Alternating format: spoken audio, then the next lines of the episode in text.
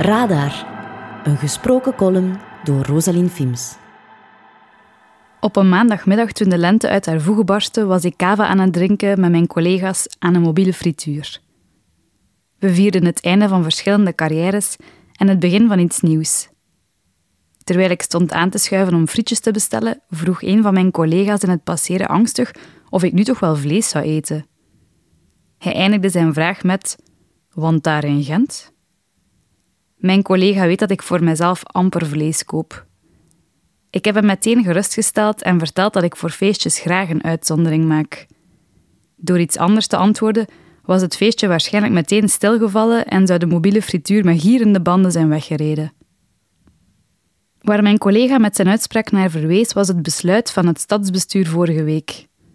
Die heeft aangekondigd dat de helft van de eetkraampjes op de Gentse feesten vanaf dit jaar vegetarisch moeten zijn. Dat heeft een deel van de politici erg kwaad gemaakt. Blijkbaar zijn niet de pandemie, de stijgende gasprijzen of de voiced kids het ergste wat ons kan overkomen, maar wel het feit dat we niet op 60, maar slechts 30 verschillende plekken vlees kunnen bestellen. Ik snap dat mensen even moeten wennen aan verandering. Dat had ik ook toen ik mijn haar blond had geverfd of toen mijn favoriete brownie niet meer op de kaart stond van het café in de buurt. Verandering is altijd eng, omdat je nooit weet wat daarna komt. Ik hoor de innerlijke dialoog van de criticasters tot hier. Vorig jaar een derde vegetarisch, nu de helft. Volgend jaar dan helemaal geen vlees meer op de Gentse feesten. Wat is het volgende? Maar acht dagen feest in plaats van tien? Geen belleman meer, maar een triangelman? Of alle concerten vervangen door yogasessies en spirituele dansen? Net zoals bij mijn collega lijkt het geluk van het feest af te hangen van de aanwezigheid van vlees. Wie nu in het woordenboek bladert, vindt bij klimaatactivist partypoeper als synoniem. Het deed mij allemaal denken aan een ontroerende ballade van Kermit de Kikker.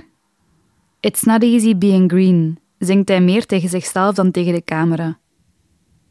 Daarmee bedoelt hij dat het niet altijd simpel is om jezelf te zijn, zeker als jezelf een pratende groene amfibie is. Maar het is ook niet simpel om groen te zijn in de andere betekenis van het woord. Niet iedereen zit te wachten op personen die omwille van het klimaat dingen over een andere boeg willen gooien. Ik herken Kermit zijn gevoel. Als ik met iemand aan het spreken ben over hoe autodelen werkt of waarom ik let op waar mijn groenten vandaan komen, zie ik mensen soms vreemd kijken. Ik snap niet wat er aan de hand is, tot ik in de reflectie van een raam merk dat ze stonden te praten met een groene kikker. Daarom wou ik mijn mening vaak voor mezelf. Maar het is ook moedig om jezelf te zijn of om een verandering in gang te steken. En als je erover nadenkt, is minder vlees eten een grote vriendendienst voor mensen die geen verandering willen. Op lange termijn zorgen die kleine aanpassingen in het dagelijkse leven er hopelijk voor dat de meeste dingen blijven zoals het is. Dat is misschien een naïeve gedachte, maar wel een die de moeite waard is om mijn best voor te blijven doen. Op het einde beseft Kermit wat er mooi is aan groen zijn en besluit hij dat hij eigenlijk niets anders wil zijn. Ik volg zijn voorbeeld en denk dat alles met tijd en boterhammen met huflakken op voor wie wil, wel in orde zal komen.